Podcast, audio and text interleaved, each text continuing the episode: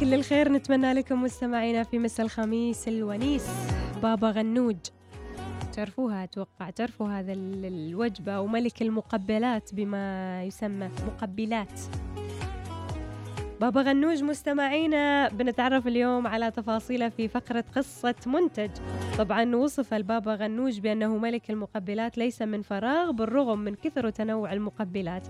ألا أنه يحتفظ بمكانة مميزة على المائدة العربية وله قدسية خاصة في نفوسهم ومرتبط أيضا بأكلات بعينها مثل الأسماك المشويات من الكباب والكفتة. كما أنه يسهل سهل تحضير آه، مكوناته ليست غالية الثمن معدة من الباذنجان المهروس والبصل مضافا لهم الطحينة والزيت والبهارات والثوم. وأيضا مستمعينا في الشام قد يضاف إليه إضافات أخرى مثل دبس الرمان أو الليمون أو الجوز أو البقدونس وبالرغم أن بابا غنوج من أهم الأطباق على الموائد العربية ولكن أصله يعود إلى الشام. ظهر هناك في القرن الأول الميلادي ولكن ليش سمي باسم البابا غنوج؟ طبعا آه، مستمعينا في الأساطير المنتشرة عن أصل بابا غنوج أن كان الرجال يحبون هذا الطبق ويأكلونه أكثر من السيدات. لذلك سمي ببابا. وحكاية أخرى تقول أن كان هناك شخص يدعى بابا غنوج كان يعد هذه الأكلة ويوزعها على الأهالي والمطاعم المجاورة في الحي اللي يسكنه.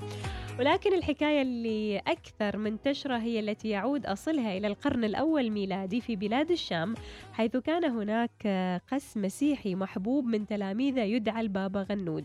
وذات مرة أراد أحد تلاميذه أن يقدم له وجبة تقديرا له فأعد خليطا من الباذنجان المشوي وخلطه ببعض الخضروات ثم أضاف إليه الطحينية.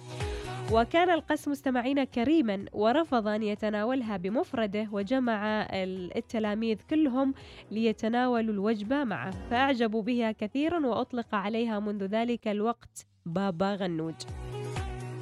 وطبعا اشتهرت بهذا الاسم حتى الآن واشتهرت أيضا في اليونان باسم متبل وبعد فترة انتقلت وجبة البابا غنوج إلى الدول العربية عن طريق اختلاطهم بالقوافل التجارية اللي كانت تأتي من الشام ليقدم حتى يومنا هذا. تحبوا هذا البابا غنوج؟ البعض يسميه متبل والبعض يسميه بابا غنوج. وهو فعلا يعني من الوجبات آه، اللذيذة اللي دايما ناكلها مع المشاوي أو آه، المشويات وغيرها. على كل مستمعينا هذه قصة البابا غنوج.